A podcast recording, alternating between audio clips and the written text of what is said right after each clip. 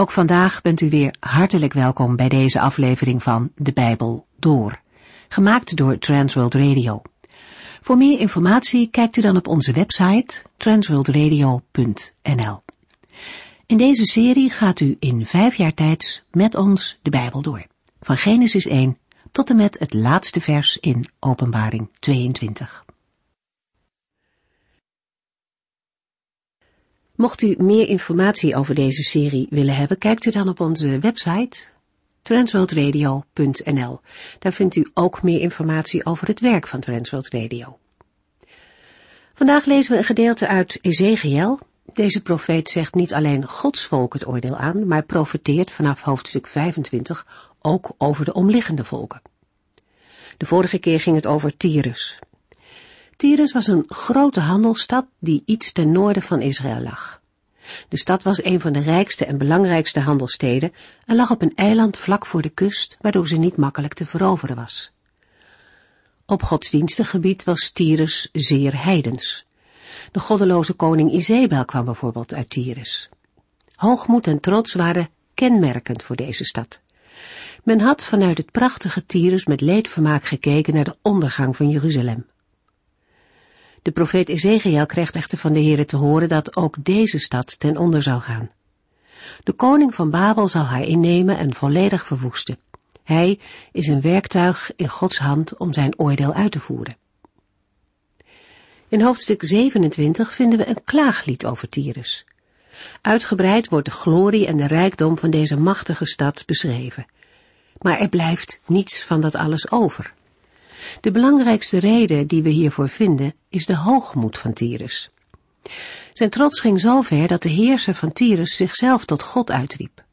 Hij beroemde zich op bovenmenselijke wijsheid en rijkdom. De beschrijving van deze vorst gaat verder dan die van de menselijke koning van Tyrus. Er worden een aantal kenmerken van de koning genoemd die duidelijk maken dat het hier niet om een gewoon mens gaat. Achter deze koning zit de vorst van de duisternis. Zo wordt van hem gezegd dat hij in Eden de tuin van God was. Hij was niet gewoon geboren, maar geschapen. En vanaf zijn schepping was hij volmaakt, totdat het kwaad in hem kwam. De vorige keer hebben we gezien dat in dit hoofdstuk een diepere laag zit, een laag die verwijst naar de val van Satan. Hij werd door de Here op aarde geworpen. Zijn opstand in de hemel maakte van hem een gevallen engel, de tegenstander van God. We lezen verder in Ezekiel. De vorige uitzending sloten we af nadat Ezekiel namens de Here het oordeel had uitgeroepen over Tyrus. Daarna moet hij hetzelfde doen over de tweede stad van de Feniciërs, de stad Sidon. Sidon was ouder dan Tyrus.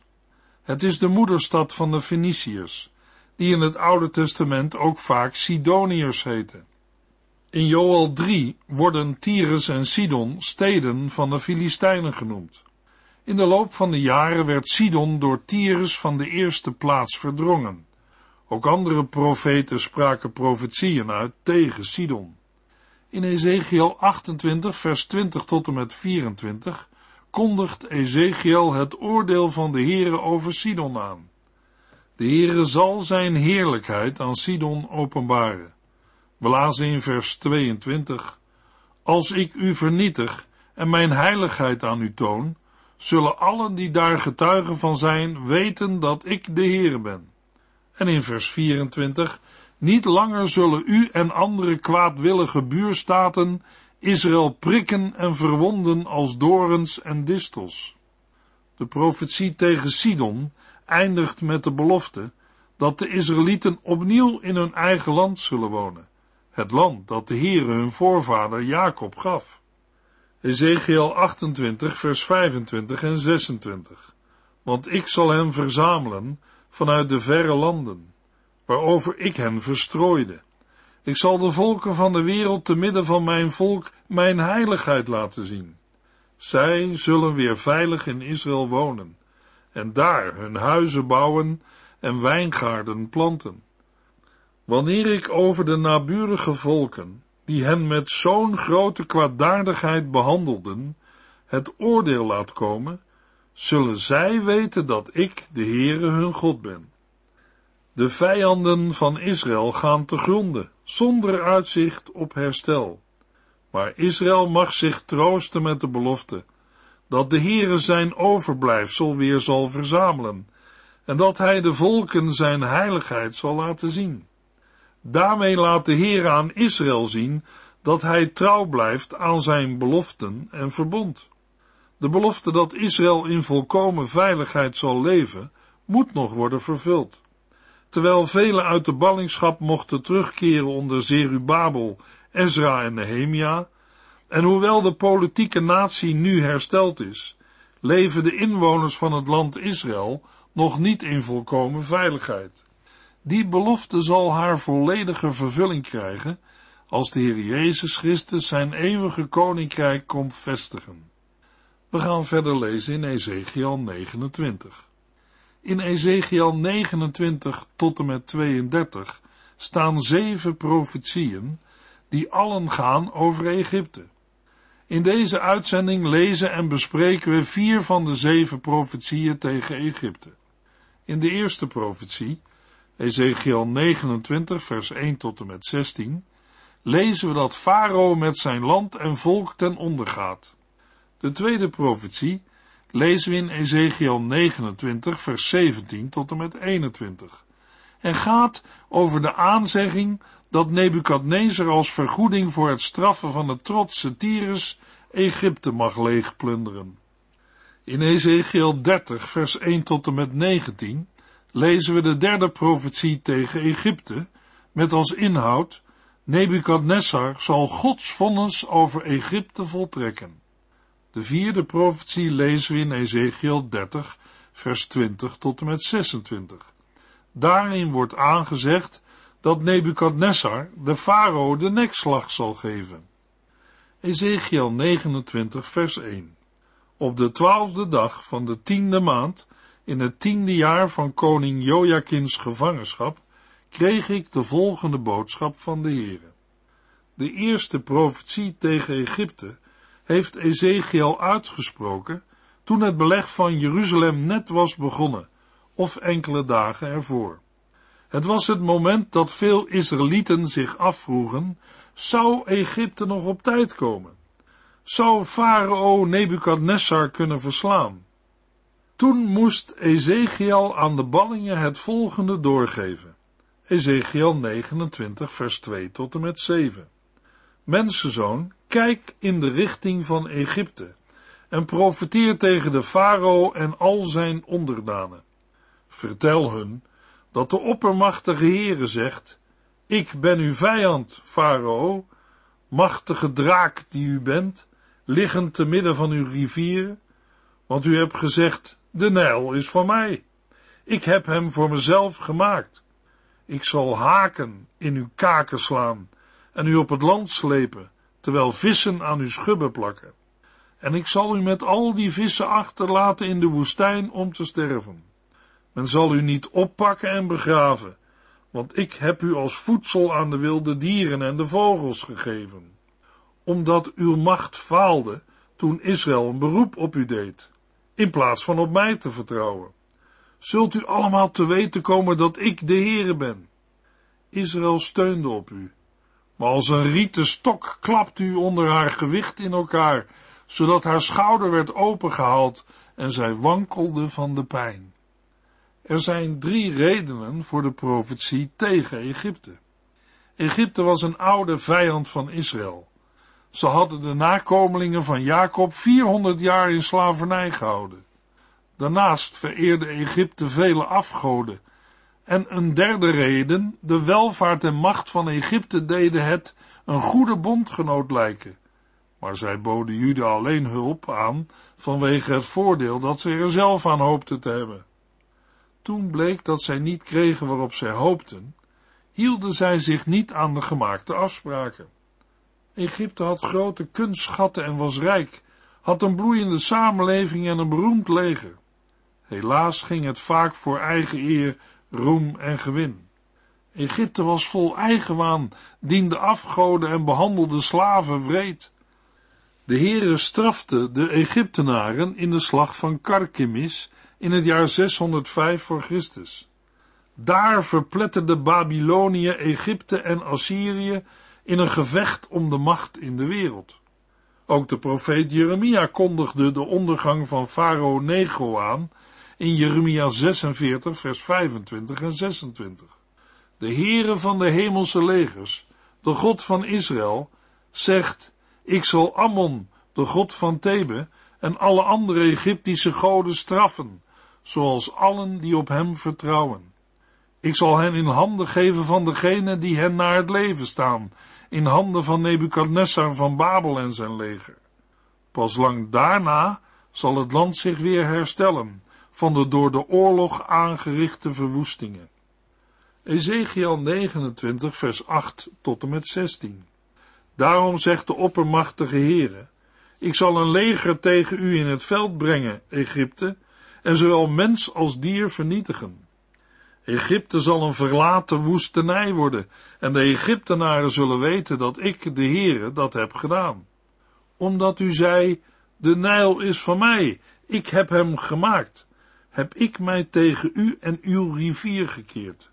Daarom zal ik het land Egypte, van Migdol tot aan Siene, en tot aan de zuidelijke grens met Ethiopië, volledig verwoesten. Veertig jaar lang zal er niemand doorheen trekken, mens noch dier. Het zal volledig onbewoond zijn. Ik zal Egypte tot een verwoest land te midden van verwoeste landen maken. Haar steden zullen er veertig jaar lang als ruïnes bijliggen. Haar inwoners zal ik naar andere landen verbannen. Maar de oppermachtige Heere zegt dat hij na verloop van die veertig jaar de Egyptenaren weer zal terugbrengen naar hun vaderland, vanuit de landen waarnaar hij hen had verbannen. En ik zal Egypte opnieuw voorspoed geven, en haar inwoners laten terugkeren naar hun geboortestreek Patros in het zuiden van Egypte. Maar ze zullen een onbelangrijk koninkrijk vormen. Ze zullen het onbelangrijkste van alle volken zijn en zich nooit meer boven andere volken verheffen. Ik zal Egypte zo zwak maken dat ze nooit meer over andere volken kan heersen. Israël zal dan niet langer op Egypte vertrouwen. Elke keer dat het in haar opkomt hulp te vragen, zal zij zich haar zonde herinneren, toen zij dat in de tijd deed. Dan zal Israël weten dat alleen ik God ben. De Nijl was de trots en vreugde van Egypte. Een levengevende rivier die midden door de woestijn stroomde. Maar in plaats van God ervoor te danken, zei Egypte, de Nijl is van mij, ik heb hem gemaakt. Zo'n zelfoverschatting is ook vandaag nog lang niet verdwenen. Doen wij niet hetzelfde als we zeggen, bijvoorbeeld, dit huis, dit land, deze kinderen zijn van mij of ons, ik heb ze gemaakt. Ik heb mezelf zo ver gebracht. Ik heb deze kerk, dit bedrijf, deze naam van de grond af opgebouwd. Ik heb dit brood met mijn eigen handen verdiend. Daar hoef ik God niet voor te danken. Ja, wat een mens in zijn of haar hoogmoed en trots durft te zeggen, kan je koude rillingen bezorgen. Wij mensen vinden het vaak vanzelfsprekend wat de Heer ons mensen heeft geschonken.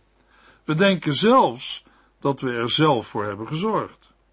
Natuurlijk moet er met de middelen, vaardigheden en inzichten die de Heere geeft, wel wat worden gedaan.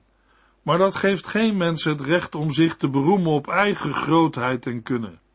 In plaats van ons te beroemen op eigen grootheid, zoals ook de Egyptenaren deden, moeten we de grootheid van de schepper en gever van al wat leeft roemen en hem danken voor al zijn zegeningen. De periode van veertig jaar woestenij in Egypte is moeilijk te dateren. Nebukadnessar viel Egypte omstreeks het jaar 572 voor Christus aan en voerde veel mensen weg naar Babel. Anderen zochten veilig heenkomen in omliggende landen. Ongeveer 33 jaar later veroverde koning Cyrus van Perzië de hoofdstad Babel en liet de bevolking van de landen die Babel hadden veroverd terugkeren naar hun eigen land. Als we daar voor de organisatie van de terugtocht en de reis van zoveel mensen ongeveer zeven jaar aanhouden, dan maakt dat de veertig jaar vol. Wij moeten het reizen in die tijd niet vergelijken met het overbruggen van afstanden in onze tijd. Egypte is na de terugkomst uit Babel nooit meer een wereldmacht geworden. Ezekiel 29, vers 17 tot en met 21. In het 27ste jaar van koning Joachim's gevangenschap, op de eerste dag van de eerste maand, kreeg ik de volgende boodschap van de Heere. Mensenzoon, het leger van koning Nebukadnessar van Babel voerde een hevige strijd tegen Tyrus. De hoofden van de soldaten waren kaal en hun schouders waren ontveld en deden pijn door het dragen van zware manden met aarde en door de ladingen stenen die nodig waren voor het beleg. Maar de strijd heeft Nebukadnessar geen enkel voordeel gebracht. Daarom, zegt de oppermachtige Heere, zal ik Egypte aan koning Nebukadnessar van Babel geven. Hij zal haar rijkdommen buit maken en haar volledig leeg plunderen, om zijn leger te kunnen betalen. Ja, ik heb hem het land Egypte als beloning gegeven, omdat hij de afgelopen dertien jaar voor mij bij Tyrus heeft gewerkt, zegt de Heere. En er zal een dag komen dat ik de glorie van het Israël van vroeger zal laten herleven, en dan zal ik u te midden van hen weer vrij uit laten spreken. Egypte zal dan ook erkennen dat ik de Heer ben. Deze profetie werd uitgesproken in het jaar 571 voor Christus en is eigenlijk de laatste profetie in Ezekiel. Nebukadnessar had eindelijk Tyrus veroverd na jarenlang beleg. Hij had daar niet op gerekend, ook financieel niet. En daarom ging hij naar het zuiden en veroverde Egypte. Daarvan zegt Ezekiel, namens de Heere, maar de strijd heeft Nebukadnessar geen enkel voordeel gebracht. Daarom zegt de oppermachtige Heere, zal ik Egypte aan koning Nebukadnessar van Babel geven. Hij zal haar rijkdommen buitmaken en haar volledig leegplunderen om zijn leger te kunnen betalen. Ja, ik heb hem het land Egypte als beloning gegeven, omdat hij de afgelopen dertien jaar voor mij bij Tyrus heeft gewerkt, zegt de Heere. Maar ook voor Babel geldt, als zij de Heere, de God van Israël, niet de eer geven die hem toekomt, zal ook Babylonië ondergaan. Daarna klinkt dan opeens in vers 21 een troostvolle belofte voor Israël.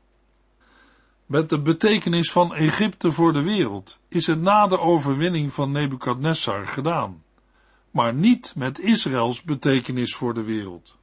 We lezen verder in Ezekiel 30. Ezekiel 30 vers 1 tot en met 3. Opnieuw kreeg ik een boodschap van de Heere. Mensenzoon, profeteer en zeg dat de oppermachtige Heere zegt, huil, want de beslissende dag staat voor de deur, de dag van de Heere een dag van wolken en onheil, een dag van oordeel voor de volken. Ezekiel 30, vers 1 tot en met 19 is een klaaglied over Egypte en zijn bondgenoten. Onder de Egyptenaren en hun bondgenoten zullen doden vallen, al hun schatten en rijkdommen zullen worden weggeroofd. Iedereen die op Egypte vertrouwde, zal in hun val worden meegesleept. Egypte wordt verwoest door het ruwste leger dat er in die tijd bestond. De irrigatiewerken bij de Nijl zullen worden vernietigd, waardoor vruchtbaar land geen water meer krijgt en uitdroogt tot een woestijn. Geen enkele Egyptische god zal de Egyptenaren kunnen redden uit de hand van de Heere. Ezekiel 30 vers 4 tot en met 6 Een zwaard zal op Egypte vallen. De gesneuvelden zullen de grond bedekken. Haar rijkdom zal vergaan. Haar fundamenten worden verwoest. Het buurland Ethiopië zal beven en sidderen. Want Ethiopië, Lydië, Put, Arabië en Libië en alle landen die hun bondgenoten zijn, zullen in die oorlog met het zwaard worden vernietigd. Want de oppermachtige Heere zegt, alle bondgenoten van Egypte zullen vallen, en er zal een eind komen aan haar trotse kracht van Migdol tot aan Sienne, zullen zij met het zwaard worden gedood. De Heere maakt een eind aan de trotse Egyptische wereldmacht, inclusief hun bondgenoten. Ezekiel 30 vers 7 tot en met 9. Zij, Egypte, zal er verwoest bij liggen, te midden van andere verwoeste landen.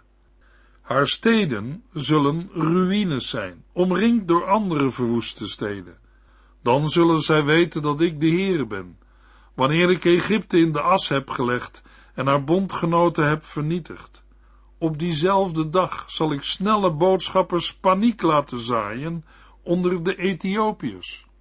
Het oordeel dat Egypte treft, zal hun de stuipen op het lijf jagen. Dit alles zal zeker gebeuren. Ethiopië heeft zich voor elke bedreiging uit het noorden steeds veilig gevoeld achter Egypte. Maar het zal door plotselinge angst worden overvallen als het hoort dat heel Egypte door de woeste Babyloniërs onder de voet is gelopen en wordt leeggeplunderd. Ezekiel 30 vers 10 tot en met 12. Want de oppermachtige Heere zegt, koning Nebukadnessar van Babel zal ontelbaar veel inwoners van Egypte vernietigen. Hij en zijn legers, de wreedste ter wereld, worden gestuurd om het land te verwoesten. Zij zullen oorlog voeren tegen Egypte en de grond bedekken met gesneuvelden. Ik zal de Nijl laten opdrogen en het hele land aan goddeloze mensen overleveren. Ik zal Egypte met alles erop en eraan door andere volken laten verwoesten. Ik, de Heere, heb het gezegd. Nebukadnessar werd als een instrument in Gods handen gebruikt, om dat uit te voeren wat de Heere al bepaald, besloten en voorzegd had. Egypte dankte zijn vruchtbaarheid aan de Nijl. Als de Nijl opdroogt en alle met haar verbonden kanalen en waterwerken, dan verdort het land tot een woestijn. De Heere zegt, ik zal Egypte met alles erop en eraan door andere volken laten verwoesten. Ezekiel 30 vers 13 tot en met 19. Ik zal de Egyptische afgoden en de beelden bij Memphis vernietigen, en er zal geen koning meer zijn in Egypte. Verwarring en paniek zullen er heersen. De steden in Patros, aan de bovenstroom van de Nijl, Soan en Thebe, zullen door mijn hand in puinhopen worden veranderd. Ik zal mijn toorn uitgieten over Sin, het sterkste fort van Egypte, en de inwoners van Thebe vernietigen. Ik zal Egypte in brand steken. Sin zal onder hevige pijnen wegkwijnen. De muren van Thebe zullen door stormrammen worden overwonnen, en voor Memphis zullen dagen van wanhoop aanbreken. De jonge mannen van Avan en Pibizet zullen sterven door het zwaard, en de bevolking zal als slaaf worden weggevoerd. Als ik de macht van Egypte kon breken, zal het ook een zwarte dag voor Tachpanges zijn. Donkere wolken zullen boven haar hangen, en haar dochtersteden zullen als gevangenen worden weggevoerd. Het zal afgelopen zijn met haar trotse macht. Zo zal ik Egypte straffen, en de Egyptenaren zullen weten dat ik de Heere ben. De lijst van steden die verwoest zouden worden, laat zien hoe groot de verwoesting was, en het hele land Egypte wordt getroffen. Het opdrogen van de Nijl geeft aan hoe ver de verwoesting is doorgevoerd. Niet alleen grote steden, vestingen en andere belangrijke plaatsen, maar heel Egypte zou worden uitgeschakeld. Steden, mensen, land, dieren en de Egyptische goden. Het zal afgelopen zijn met de trotse macht van Egypte. De profetieën over Egypte waren ook een duidelijke boodschap voor de ballingen in Babel en de Israëlieten in Juda en Jeruzalem. Zij moesten niet op Egypte vertrouwen voor hulp tegen Babel, maar op de Here. Ondanks Gods waarschuwingen is Jeruzalem toch een verbond aangegaan met Egypte. De farao deed een halfslachtige poging Jeruzalem te helpen, maar toen Nebukadnessar zich tegen hem keerde, vluchtte hij terug naar Egypte. Op deze halfslachtige poging doelde Ezekiel toen hij zei dat de Heere de arm van Farao had gebroken. Ezekiel 30, vers 20 tot en met 26. Een jaar later kreeg ik op de zevende dag van de eerste maand van het elfde jaar van koning Joachims gevangenschap deze boodschap. Mensenzoon, ik heb de arm van de farao, de koning van Egypte, gebroken. En hij is niet gezet of gezwachteld om hem weer sterk genoeg te maken om een zwaard te kunnen hanteren. Want, zegt de oppermachtige Heere, ik ga optreden tegen de farao en zal zijn beide armen breken, de gezonde arm en de arm die al eerder gebroken was. Ik zal zijn zwaard op de grond laten kletteren, en de Egyptenaren zal ik naar vele landen verbannen. De armen van de koning van Babel zal ik echter sterk maken, en ik zal hem mijn zwaard in de hand geven. Maar de armen van de farao, de koning van Egypte, zal ik breken, en ik zal hem voor de koning van Babel laten kermen als iemand die dodelijk gewond is. Ik zal de handen van de koning van Babel sterk maken, terwijl de armen van de farao krachteloos langs zijn lichaam zullen hangen. Ja, als ik, de koning van Babel, mijn zwaard in de hand geeft, en hij het over het land Egypte zwaait, zal Egypte weten dat ik de Heer ben. Ik zal de Egyptenaren onder de volken verspreiden, zodat zij beseffen dat ik de Heer ben. Ezekiel kreeg deze profetie in het jaar 587 voor Christus, ongeveer vier maanden voor de val van Jeruzalem. De Heere vernietigde de militaire overmacht van Egypte en gaf die aan Babel. Het beeld van de gebroken arm maakt duidelijk dat Egypte onmachtig is om het zwaar te voeren en dat ook in de toekomst niet zal kunnen, omdat de arm niet wordt verbonden en niet zal genezen. Het is de Heere die de koning van Babel sterk maakt om Egypte te overwinnen, om zijn oordeel over Egypte uit te voeren. De Heere laat landen aan de macht komen en heeft daarmee iets op het oog. Iets dat wij niet direct zien of begrijpen. Maar als we deze profetieën lezen en weten dat de Heere heeft gedaan wat hij liet profeteren, dan moeten wij niet wanhopen als we lezen of horen over legers en oorlogen. Wij moeten niet vergeten dat de Heere niet alleen in vroegere tijden oppermachtig was en alles in zijn handen had, maar ook vandaag. In de volgende uitzending lezen we een klaaglied over Farao en Egypte. U heeft geluisterd naar De Bijbel Door, in het Nederlands vertaald en bewerkt door Transworld Radio. Een programma waarin we in vijf jaar tijd de hele Bijbel doorgaan. Als u wilt reageren op deze uitzending of u heeft vragen, dan kunt u contact met ons opnemen. Tijdens kantooruren kunt u bellen op 0342 47 8432. 0342 47 8432. Ook kunt u een e-mail sturen naar de Bijbel door transworldradio.nl en natuurlijk kunt u ook via de post ons bereiken. TWR, postbus 371, postcode 3770, AJ in Barneveld. Dit programma werd gepresenteerd door Cor Weda en Ike André. Techniek was in handen van Odin van Voerkom. En wij allemaal bedanken u voor het luisteren. Graag tot de volgende keer.